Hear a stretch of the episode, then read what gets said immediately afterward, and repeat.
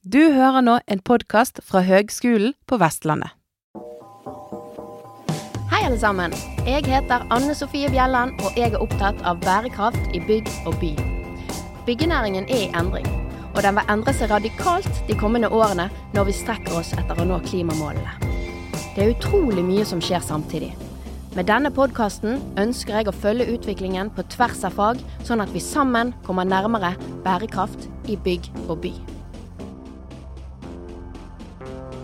Transportsystemene i en by er avgjørende for at en by fungerer. Det er avgjørende for at han er attraktiv, og det er kanskje et av de viktigste verktøyene for å få ned utslipp. I Bergen feiret Bybanen tiårsjubileum i 2020, og det er fortsatt i dag en sentral driver i byutviklingen i Bergen. Det kommer han til å være i lang tid fremover òg. For en tid tilbake så eh, gikk debatten rundt Bybanen nasjonalt i forbindelse med valg av trasé mot nord. Grunnen til at denne eh, retningen er spesielt krevende, er at banen da skal føres gjennom den eldste delen av Bergen by, som nylig feiret 950-årsjubileum. Vi snakker da om området rundt Bryggen i Bergen. Skal han gå over Bryggen? Skal han gå bak i tunnel? Debatten var ganske heftig. Men når den debatten pågikk, så savnet jeg de tekniske aspektene ved de ulike traseene. Så jeg ble nødt til å snakke med noen, og har derfor snakket med Håkon Rasmussen, avdelingsdirektør for mobilitet og kollektivtransport i Vestland fylkeskommune. Hei sann, Håkon. Hallo. Hallo, hallo. Takk for at du vil ta deg tid til å prate med meg. Ja, det er hyggelig. Det er jo morsomt at dere er interessert i å høre en bybanehistorie her. Ja, selvfølgelig. Selvfølgelig. Eh, men vi må, før vi begynner på Bybanen, så må jeg få høre om din bakgrunn og eh, din rolle der du er nå. Ja. Bakgrunn? Jeg er eh, sivilingeniør fra bygg bygglinja på det som i gamle dager het NTH, som nå heter NTNU. Og så har jeg jobbet med Bybanen nå i mange år. Eh, etter en oppstart i karrieren som konsulent, så hoppet jeg over og var med å utvikle Bybanen fra faktisk i 2001. Det, det som den gang het Bybanekontoret, som var egentlig en ganske sånn tøff satsing fra, fra byrådet sin side å etablere et lite fagmiljø og si dere har jobben å dra dette i gang. Så det, det har vært med fra begynnelsen. Det er stilig. Og i dag så sitter du og er I dag er jeg eh, eh, avdelingsdirektør for mobilitet og kollektivtransport i Vestland fylke. Så, så det eh, Da er Bybanen bare en del av det jeg har ansvar for. Det er, nå er det hele kollektivsystemet, inkludert uh, bussene og fergene og hurtigbåtene. Og det, vi, det, vi har, det vi sørger for gjennom skyss uh, at skal driftes, og det som vi har bygger gjennom Bybanen. Så jeg har fremdeles en, en, et ansvar inn mot Bybanen, men jeg har ikke det, detaljnivået på samme måte som jeg hadde i gamle dager. Ja. Nei, skjønner, skjønner. Men uh, veldig bra. Um, jeg kommer til å ha hovedfokus på Bybanen, for jeg, jeg, jeg er etter Vi hadde jo nå før jul, så var det jo veldig politisk hett her i Bergen angående Bybanen og trasé mot, mot nord. Og jeg savnet jo da virkelig eh, en teknisk eh, tilnærming til den debatten. Den var jo 100% politisk. Eh, så, så, dette er på en måte mitt forsøk på å se på faget bak diskusjonen, da. Veldig bra. Eh, yes. Men, men, før vi kommer til eh, denne, dette trasévalget mot nord, så, så, kan jo du, siden du har vært med helt fra start, kanskje du gi oss en liten sånn her eh, historie? Altså, det var tiårsjubileum for Bybanen i fjor. Ja, altså det var åpning av Bybanen i juni 2010. Da startet vi drift på det første byggetrinnet til uh, Nesttun. Mm. Um, og det, da var dronningen med, og det var stor uh, festivitas i byen. Men før det så var det jo De viktigste slagene var jo eh, først å få en godkjent plan for det, altså en reguleringsplan, sånn at man har lov til å bygge det. Og så var det det å få pengene på plass. Eh, og begge de tingene eh, brukte vi mye tid på. Det var mye kamp om å få lov å bruke både bompenger og eh, statlige midler på å bygge, bygge Bybanen. Og det, det, er, det, er, det, er, det, begynner å ligge tilbake i tid nå, men, men, det var sånn at Statens vegvesen var rett og slett ikke spesielt De hadde ikke tro på prosjektet som sådan. Og det er jo politikerne i Bergen som, som, var pådriverne for å starte dette. De mente at byen var stor nok til å, å fortjente noe, et mer solid og forutsigbart og framtidsrettet kollektivsystem enn det, enn det bussene kunne tilby. Skjønner. Men det har man jo virkelig fått til. Det er ganske imponerende egentlig, da. Ja, det, det er det. Og det, vi har jo stadig besøk fra folk som kommer fra utlandet for å se både hva vi, hva vi har gjort og hvordan vi har gjort det. Og det, og det, er, det er, mange delhistorier å fortelle rundt Bybanen i Bergen. Og, eh, men, men, men, eh, vi har klart å holde aktiviteten i gang. Vi har, en ganske tung eh, faglig, teknisk eh, eh, utbyggingsorganisasjon som er veldig gode, og som har vært gode på en byggherrestyrt entrepriseform inn mot dine, dine, studenter. Altså, det betyr at vi beskriver hva, hva entreprenørene skal gjøre, og, og, de leverer priser og gjennomfører, og vi kontrollerer. I, I, motsetning til andre former hvor du, hvor du lar entreprenørene styre, bestemme mer av, av utførelsen. Så eh, vi har klart å holde framdrift, vi har klart å holde økonomi, eh, stort sett. Nå, nå, vi meldte et lite avvik nå på byggetrinn 4 eh, rett før jul. Eh, men, eh, men eh, det å holde den aktiviteten i gang og vi har hatt kort opphold mellom hvert byggetrinn, så, så det har vært en viktig del av, av uh, suksesshistorien vår. Rett og slett at vi har vært gode da, til å lære av det vi har gjort tidligere, og implementere det i neste byggetrinn. Så nå er vi veldig spent på vi, hvor stort uh, stor uh, ventepause det eventuelt blir mellom byggetrinn 4, altså Fyllingsdalen, og, og byggetrinn 5, Åsane. Mm. Uh, og der er jo, Vi kommer kanskje tilbake til det, men, men der skal jo også bygges et stort, uh, et stort uh, veianlegg knyttet til det byggetrinn 5. Så det, det, vil også gjøre at, at, tidslinjen forskyver seg litt. Så det blir litt ventetid, kanskje. Mm. Men, men, bare sånn at vi har det klart. Først så var det altså For ti år siden så sto det ferdig fra Bergen sentrum og til Nesttun. Ja. Neste byggetrinn, byggetrinn to, det var altså videre fra Nesttun til Flesland. Nei, det var til Lagunen først. Vi åpnet ja. drift til Lagunen, og så, så det het byggetrinn 2, det var neste hund Lagunen, og mm. så byggetrinn 3 var Lagunen eh, Flesland. Ja. ja. Og så er det nummer fire, som da er ut til Fyllingsdalen. Ja. Men så er det jo òg en sånn sløyfe som skal gå opp til Haukeland sykehus. Ja, men byggetrinn 4 er egentlig en separat linje fra sentrum til Fyllingsdalen. Og så det, det, når den er åpnet nå, i november i, i, år, så vil vi ha to linjer i Bybanen, linje 1 og 2, som går uh, mot sør fra sentrum. Begge stopper i sentrum, men begge går mot sør. Den ene går da til Flesland, som vi kjenner den i dag. Og den andre går til Fyllingsdalen, men den svinger forbi Den går på østsiden av Store Lungegårdsvann og forbi Amalie Skram videregående skole og bort i Fløen og inn under sykehuset. Så den fanger med seg sykehuset som målpunkt, som jo er den største arbeidsplassen vi har i, i fylket. Og, og, vi fikk, også I tillegg så går den da videre og får med seg det store byutviklingsområdet som, som nå er under utvikling på Mindemyren. Og mm. så kommer den til Fyllingsdalen gjennom en eh, lang tunnel, hvor det også bygges en sykkeltunnel, gang-sykkeltunnel hvor man bruker egentlig rømningstunnelen til Bybanen eh, eh, som gang- og sykkeltunnel. Men, eh, men eh, det var mye diskusjon også på byggetrinn 1 om vi ikke burde fått med oss Haukeland sykehus med en gang. Eh, og det klarte vi ikke, fordi vi skjønte at der måtte det en ganske dyr holdeplassløsning til under bakken. Mm. Og det var veldig fokus på kostnader på byggetrinn 1. Hvis det hadde blitt for dyrt da, så hadde det ikke blitt noe i det hele tatt.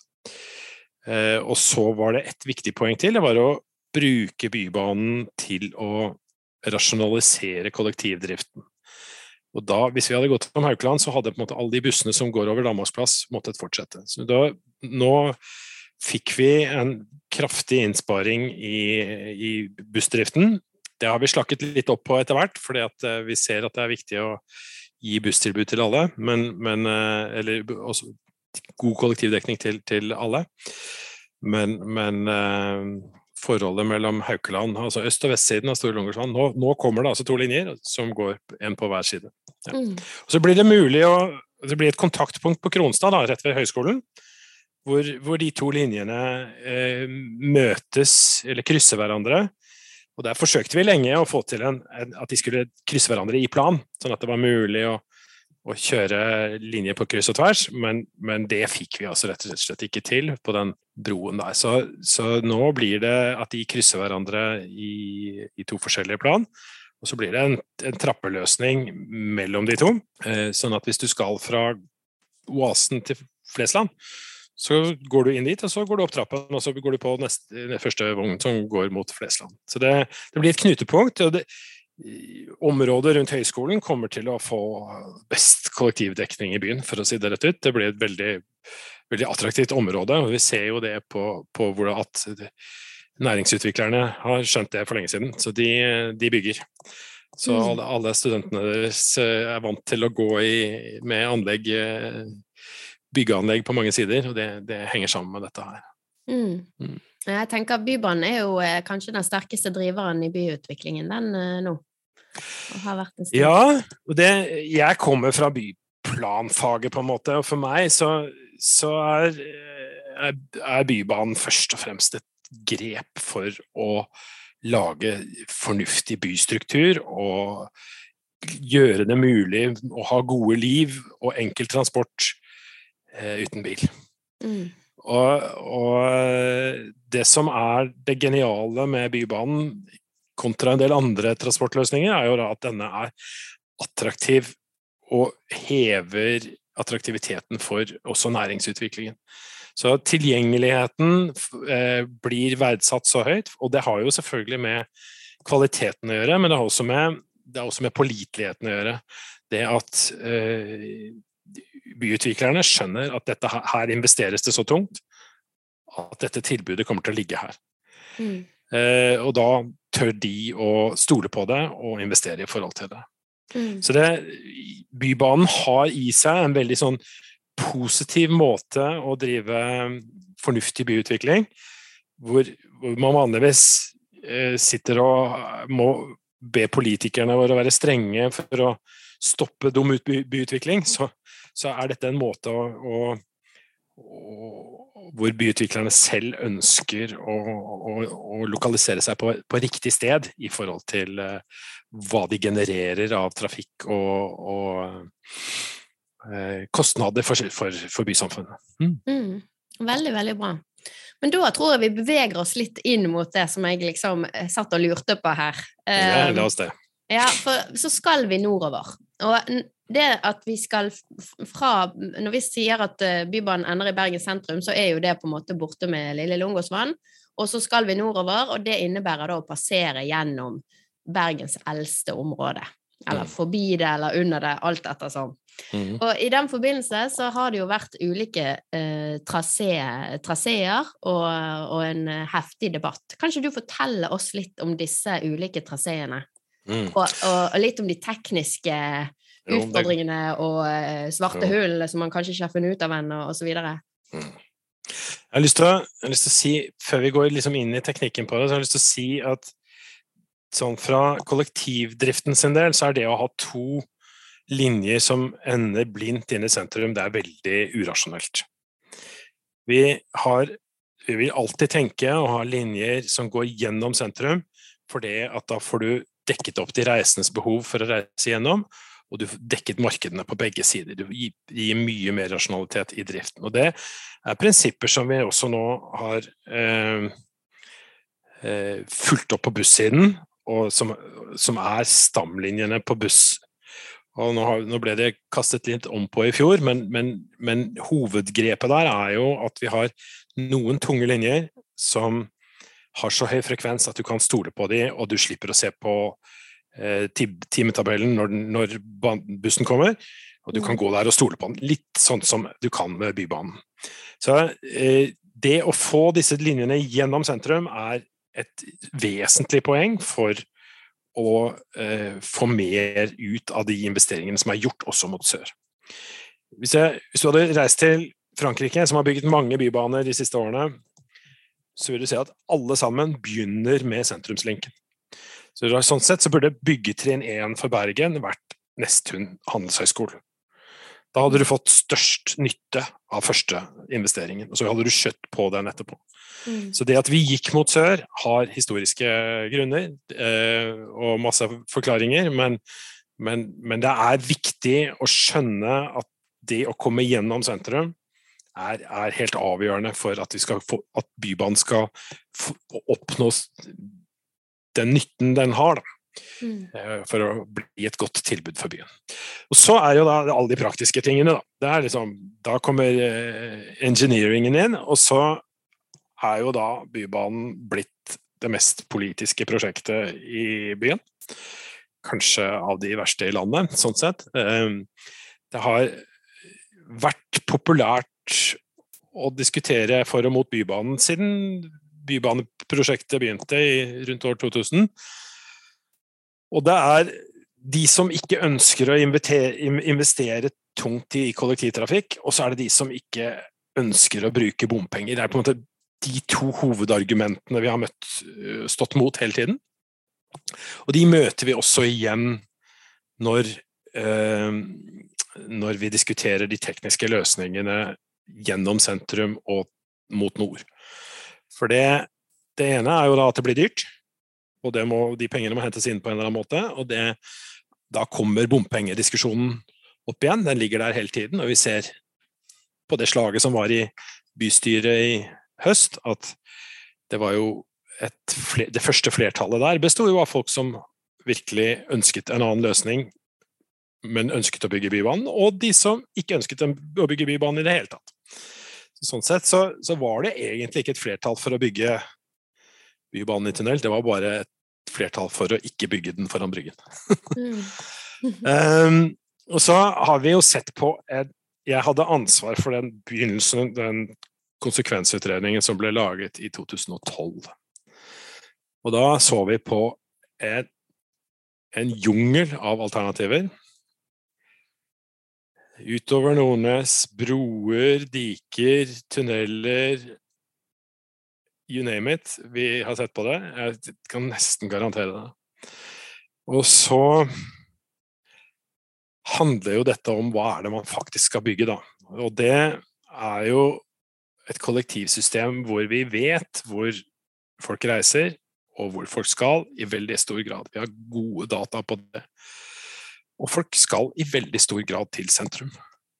Vi har i Bergen by en ganske tung radiell, altså fra sentrum og ut, eh, eh, reiserelasjoner fremdeles. Og vi mener veldig sterkt at det er to ting som da er viktige i sentrum. Det ene er å få til kontakten mellom bybanesystemet og det øvrige kollektivsystemet. Og der ligger jo bussystemet i gateparet Kristis gate, Olav Kyrres gate. På hver sin side av byparken. Så det endestoppet som vi klarte å lirke til for byggetrinn 1, inn, innimellom der, det ligger da mellom de to gateparene. Sånn at du kan egentlig Du får kortest mulig avstand når du skal gå mellom Bybanen og, og, og bussene. Og det hadde vært perfekt å fortsette på, men det, da hadde vi endt opp på Torgallmenningen midt utpå der, og det er blitt kastet relativt tidlig. Så da er det på en måte Klarer vi å dukke ned under bakken, eller bør vi bare prøve å komme oss fram oppå bakken? Det har på en måte vært den helt overordna diskusjonen. Og oppå bakken så er det teknisk eh, relativt ukomplisert. Der er eh, det er bygget trikkelegemer i, i, i bygater i, i, hele verden i over 100 år, så det er, det er kjent. Um, det gjelder da å få det til å passe med annen biltrafikk og annen gatebruk. Og så har det jo vært selve konfliktens kjerne, som er, er, det tekniske foran Bryggen. Og om det vil påvirke Bryggen og dens vernestatus uh, på noen måte. Og da er det jo den delen av Bryggen som vi jeg tenkte å bygge bybane på, det er en, en, eh, steinfylling fra 1920 omtrent. Som ligger på, på det arealet som bilveien går der i dag. Så det er ikke noe, det er ikke noe teknisk, ikke noe, du trenger ikke noe problem å grave i det og sånn. Det er ikke noe kulturminner der. Det er det. Så det er jo uts... Det er, det er den det, de, det kulturminnemyndighetene sier er barrierevirkningen mellom sjøen og bryggehusene. Sant? Mm. Og det, det, er ehm, Det er da det visuelle, og det er høyden på, på selve traseen. Så vi har jobbet med alle de elementene som der, for å prøve å gjøre det så spiselig som mulig. Og så vil det få sin test nå gjennom behandlingen av reguleringsplanen. Den skal på høring til høsten nå i 2022, og så skal den behandles i bystyret forhåpentligvis til våren 23. Men hva med sånn eh, altså stigning i vannivå og sånn? Ja, det er, det er, mange som, det er mange som er opptatt av det. Og det er selvfølgelig viktig og riktig og alt som bygges uh, nært eh, nært sjølinjen. For det første så er det jo noen fotografier som man pleier å bruke når det er høyt. Eh, Bergens Tidende har et bilde av folk som padler på bryggen og sånn, ser det ut som, men mm. det gjør de faktisk ikke. For det, bryggekanten der framme hvor vi har tenkt å bygge, den, er, den, har aldri vært oversvømmet. Det er på innsiden og på bak og på utsiden. Så det er forskjellige høyder litt forskjellige steder i, foran bryggen.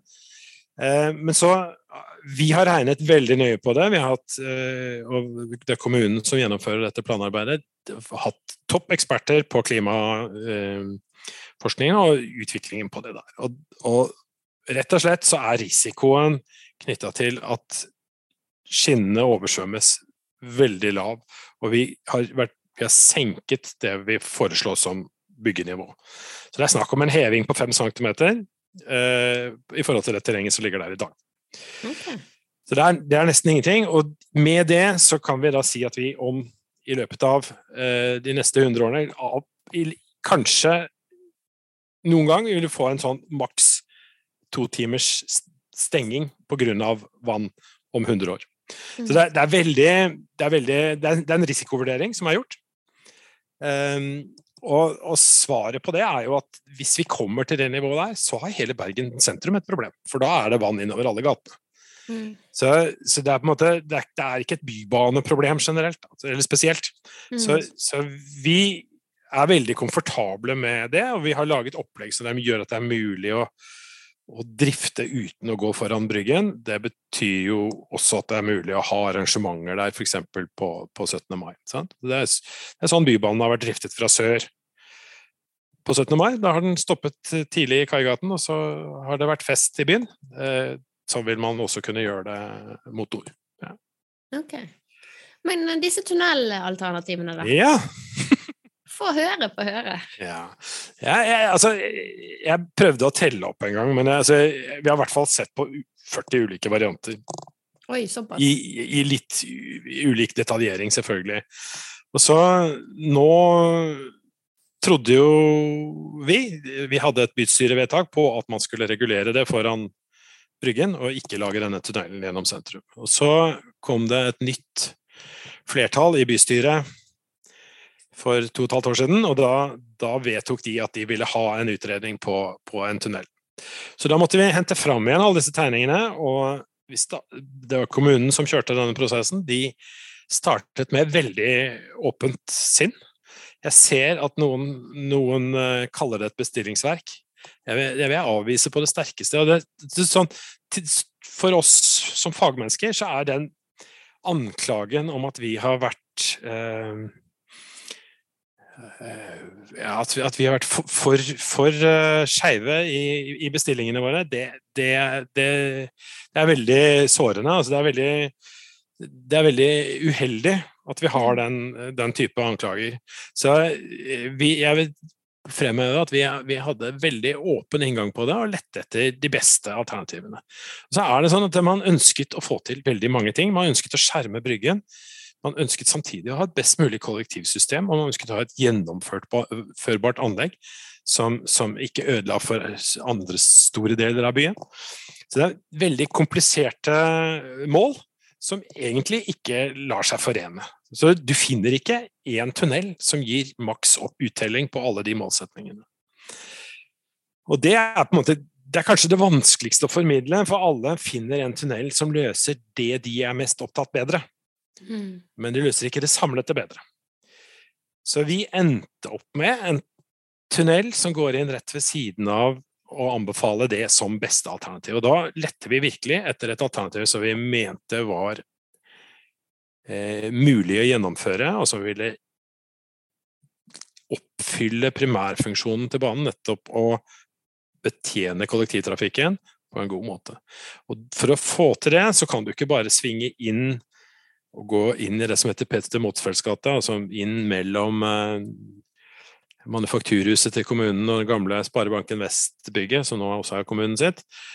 Eh, da, da er du for langt unna. Du er for langt unna Vågen, du er for langt unna så store deler av de målpunktene som kollektivtrafikken skal ha. Så de som foreslår det, de er bare opptatt av å få banen vekk. Mm. Men hvis du skal ha nytten av banen, så må den lenger inn i byen. Så derfor så endte vi med en, en sløyfe rundt, bort i Kristis gate, rundt gamle brannstasjonen, som gir de stoppene som er så tett inn mot kollektivsystemet som mulig. Så vil den også få et stopp opp i Helgens gate, som ligner på det stoppet eh, på torget. Det er jo torget-stoppet som er det geniale i, i dagløsningen.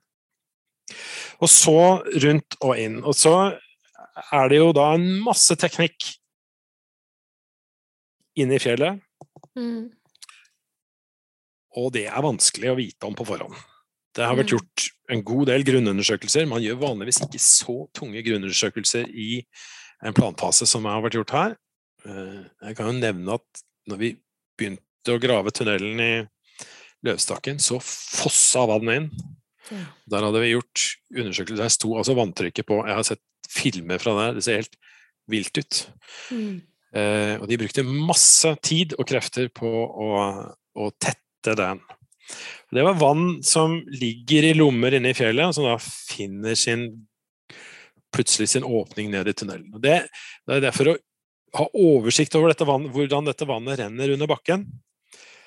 Eh, så det vi har sagt egentlig, er at det er mulig å, å, å lage en så tett tunnel som overhodet mulig, men du klarer ikke å garantere at ikke det påvirker vannstanden utenfor den tette tunnelen.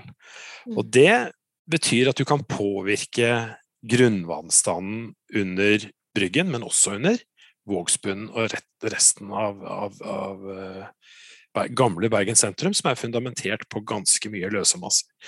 Du kunne risikert, da altså Det kan godt hende vi hadde klart å unngå det, men du kunne risikert, det er en risikovurdering som ligger her, at å påvirke både kulturlagene, altså de, de, de avsetningene som, som kulturminnemyndighetene er opptatt av, som, er, er, er for, som råtner når, når vannet forsvinner, Mm.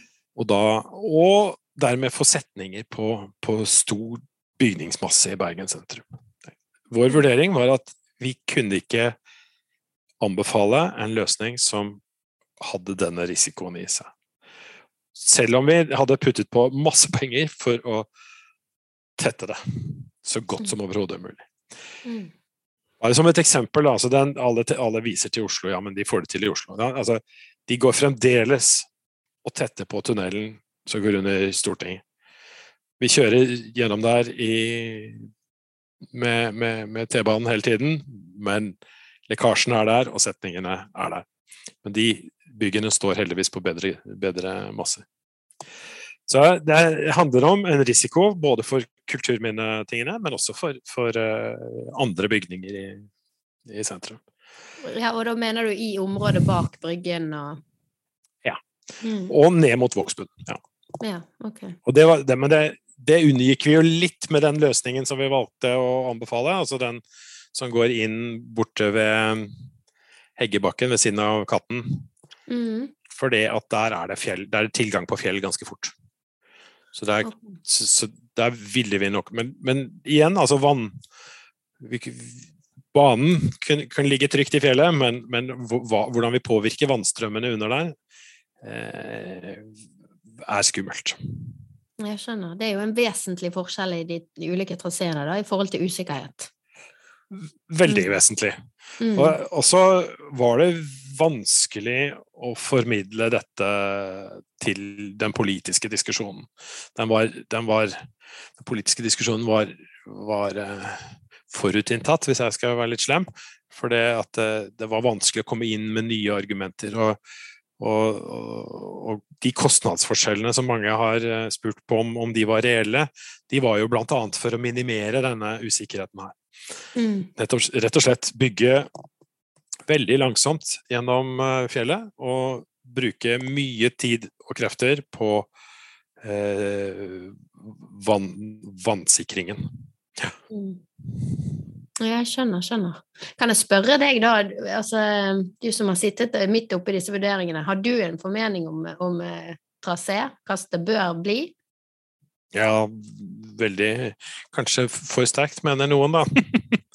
men, jeg, men jeg har vært en, en, en forkjemper for denne dag, dagløsningen hele tiden, og det er både det er, det er de argumentene jeg har nevnt. Det er, det er eh, betjeningen av sentrum, men det er også i byutviklings... Det var der vi begynte litt. Grann, ja. Mm.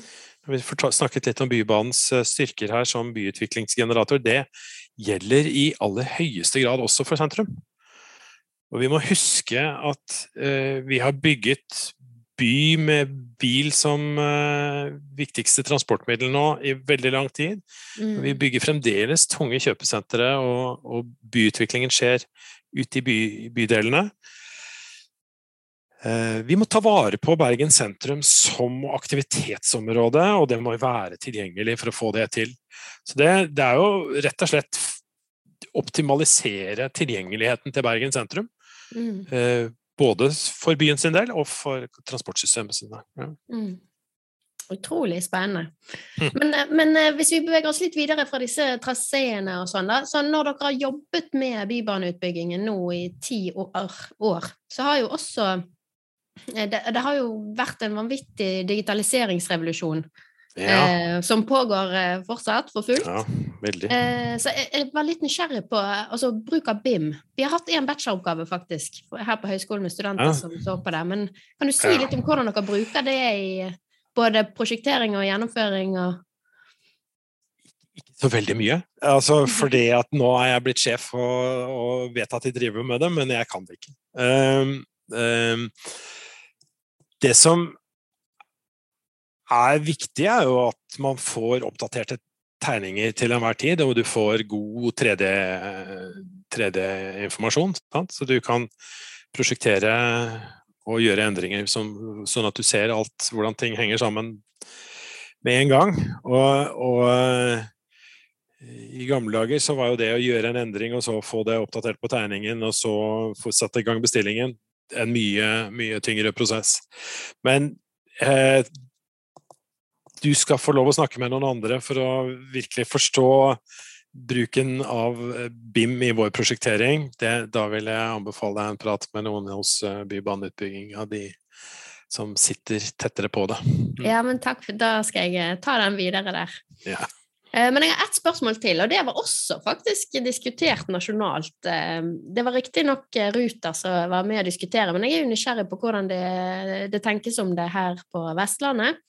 Eh, Og da er det dette her med, med billettpris, og hvordan du lager en billett. Og hvordan du For det at nå, eh, sant, flere skal kanskje ha hjemmekontor et par dager i Mm. uken. Kanskje de skal reise litt mindre i det hele tatt. Og, Mm. og dermed blir det å kjøpe seg et månedskort, for eksempel, kanskje ikke eh, verdt det lenger, i manges øyne, håper jeg, hvis du skjønner. Altså. Så jobber dere med litt sånn nye, spennende måter å kjøpe billett på? Ja, det gjør vi, og det gjør vi sammen med de andre kollektivaktørene i, i, i landet. Vi har en, eh, en felles forening, Kollektivtrafikkforeningen, som er altså alle, alle de operative selskapene, altså Skyss og Ruter og Brakar og Columbus og AtB og hva det heter for noe alle sammen, eh, som jobber sammen med dette. Og vi ser jo nå at pandemien har gjort noe alvorlig med kollektivtrafikken. Vi hadde fram til 2019, til og med 2019, hatt en årlig vekst på ca. 5% i lang tid. Og eh, kunne øke produksjonen og fikk flere reisende med, og flere og flere tenkte dette blir bra. Og så måtte vi jo da, etter mars 2020, fortelle folk at eh, vi skal kjøre dette systemet, men dere får helst ikke lov til å sitte på. For det at eh, nå er det smittefarlig her. Og da begynner nå hele bransjen å se at denne pandemien har akselerert en del utviklingstrekk som nok lå der, men som nå virkelig er blitt tydelige. Og Det ene av det er jo det du nevner, at folk jobber på andre måter. Vi har jo jobbet hjemmefra, noen av hver her, og, og um, studentene har vært hjemme. og folk har vent seg til å reise på andre måter. Vi ser at mange har kjøpt seg elektriske biler. Og det er litt sånn grunnleggende spørsmål om hva, hva ønsker man at kollektivtrafikken skal være framover. Og det, dette foregår det diskusjoner på et helt overordna nivå mot, mot, regjeringen også. Men sånn, i forhold til kundene så er jo det akkurat som du sier. Du, du reiser kanskje tre dager på jobb istedenfor fem. Og da er, der, da er, grensen for hva, hva, slags Når det lønner seg å kjøpe en månedskort, da, eh, som vanligvis ligger på rundt 20 reiser. Det, hvis, ikke du, hvis du reiser 30 reiser, så føles det som en bra deal. Men hvis du da reiser 19, så er det ikke det lenger. Så da leter man etter de produktene som er mer tilpasset sånn som folk, den fleksibiliteten som folk Så det, det, leser, det, gjør vi alle. Hele bransjen, hele, hele, verden driver med dette nå, for dette her har truffet hele verden. -hmm. Og man leter etter de produktene og man leter etter de måtene. Samtidig og så gir dette noen muligheter. Det gir noen muligheter bl.a. til å jevne ut rushtidstoppene som gjør at man kanskje kan få bedre rasjonalitet og kan gi, gi mer, et bedre tilbud over døgnet til, til de reisende. Så er, her er noen muligheter også, det er viktig å ha med seg. Og så har vi den største utfordringen, og det, der er jo vi i Norge heldige, for vi er blitt berget av, av eh, staten her. Vi har tapt penger på å kjøre buss mens det har vært pandemi. Mm. Så de pengene har jo vi fått fra staten. Men nå når vi er ferdig med pandemi, så skal vi over til å slutte å få de pengene. Mm. og, så vi, vi, har rett og slett en, en, en, pengemessig, en finansiell utfordring i å få eh, dek, betale for det, det, tilbudet som vi leverer. Og i Vestland så kjører vi eh, kollektivtrafikk samlet sett for 4,5 milliarder i året. Eh, det er mye penger som går ut. Eh, hvis du tar buss- og banedelen altså, Vi får ca. 1 milliard i billettinntekter. Resten er eh, sponsing. Og, eller subsidier, som det heter på pent. Og så Når det tallet da går ned Når antall reisende går ned, så, så har jo vi nå de siste par årene hatt flere hundre millioner kroner årlig i, i mindre inntekter mm. fra billettene. Så hvis vi nå lager systemet hvor vi får enda mindre inntekter, så kan det hende at vi må kutte på antall bussavganger mm. for å få dette til å gå opp. Og da risikerer vi å begynne å lage en negativ spiral hvor, hvor eh, vi kutter i tilbudet og må øke kostnadene for Sant? Mm. Og da er det rett og slett veldig viktig at vi klarer å treffe godt med de tilbudene som kommer. Og det, det er det bransjen jobber med nå, er å finne de nye reisetilbudene som Nå er jeg på billettsiden. Mm. Eh, de nye reiseproduktene som, som, som passer til folks uh, måte å reise på, samtidig som det sikrer de inntektene som er nødvendige. Mm. Og det, det, er en vanskelig balansegang. Det krever litt data og litt uh, erfaringer. Og nå er det liksom 14 dager siden ting ble sluppet fri igjen. Mm. Så det er uh, Vi kommer til å bruke litt tid på det. Og det men, men vi ser behovet. Det ble et langt svar. Vi ser behovet. Vi jobber med saken. Uh, Jeg er helt sikker på at vi kommer til å se nye både transporttilbud, men også eh, billettilbud i årene som kommer. Mm. I tillegg til at vi ser, vi ser jo at digitaliseringen, som du nevnte på BIM-siden, den treffer også produksjonen her, og vi får all verdens koblinger. og Vi ser at Vy plutselig har leiebiler, og vi ser at løpehjulene, de elektriske løpehjulene kommer og konkurrerer ut bysyklene på, på, på kort, kort tid, Mm. som ikke var forutsett på forhånd. Så det, er- er endringer, endringer, endringer, og digitaldrevne endringer og krevende kunder som ønsker tilrettelagte tilbud med individuell basis. Det er verden vi ser i kollektiv framover. Ja. Spennende og eh, utfordrende jobb du har, må bare Ja. si. Ja, ja, jo. Men Men, gøy. eh, Ja. Ja, utrolig spennende å høre på deg. Men helt på tampen, Håkon, har du noen gode råd til de som skal ut og forme det morgendagens byggenæring, og dermed også morgendagens by? Oi. Ja. Det, det høres ut som syvende far i huset plutselig, men, men eh, Nei, altså ikke, ikke annet enn at er- vi kommer til å Vi kommer til å Det kommer til å skje mye spennende. Det kommer til å være en, en morsom eh, en morsom del av samfunnet å jobbe i. Det er jeg helt overbevist om. Eh, og så er det jo det grønne skiftet, da, på stort og smått, som ligger over og presser på her. Våre politikere er utrolig eh, sterke på å utfordre oss på å få til endringer fort. Sant? Har, Bybanen har vi snakket om. Bussene i sentrum er elektrifisert. Fergene våre er elektrifisert. Neste store sånn utslippsbombe som vi har i vår, det er jo hurtigbåtene. Det jobber vi med nå. Hydrogenløsninger og andre ting. Så at det kommer til å skje ting her som ligger i grenselandet mellom det å eh, jobbe med spennende tekniske utfordringer, jobbe opp mot samfunnsutvikling eh, og være med å redde verden, for å si det sånn, det, Mm. det, det er motiverende. Mm. Veldig bra. Tusen takk for praten, Håkon. Det er fascinerende å høre litt fra innsiden til så stort prosjekt som Bybanen.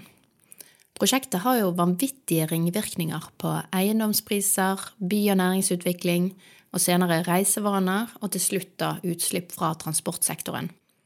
Vi får håpe at eh, det ikke blir for store opphold mellom byggetrinn, for i så tilfelle så vil man jo risikere at kompetanse i prosjektet forsvinner til andre prosjekter.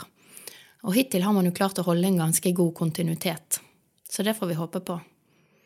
Det er òg interessant å se hvordan kollektivtilbudet utvikler seg fremover, med endrete reisevaner. Men jeg vil allikevel mene at Bybanen i Bergen er en stor suksess. Bare noen tall. I 2017 så var rushtidtrafikken 12% lavere enn i 2015. Tallet på kollektivreisende er doblet mellom 2010 og 2017. Og i 2017 målte vi rekordlav forurensning i luften i byen. Så sånne prosjekter de tar tid, og det gjør kanskje litt vondt på veien, men vi går i rett retning, folkens. Ha det godt.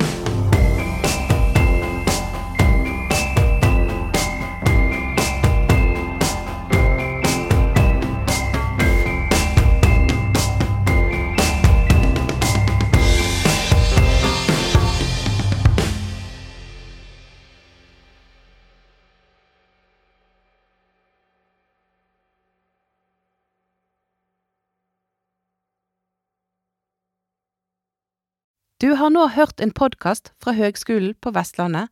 For å høre flere podkaster, besøk hvl.no slash podkast.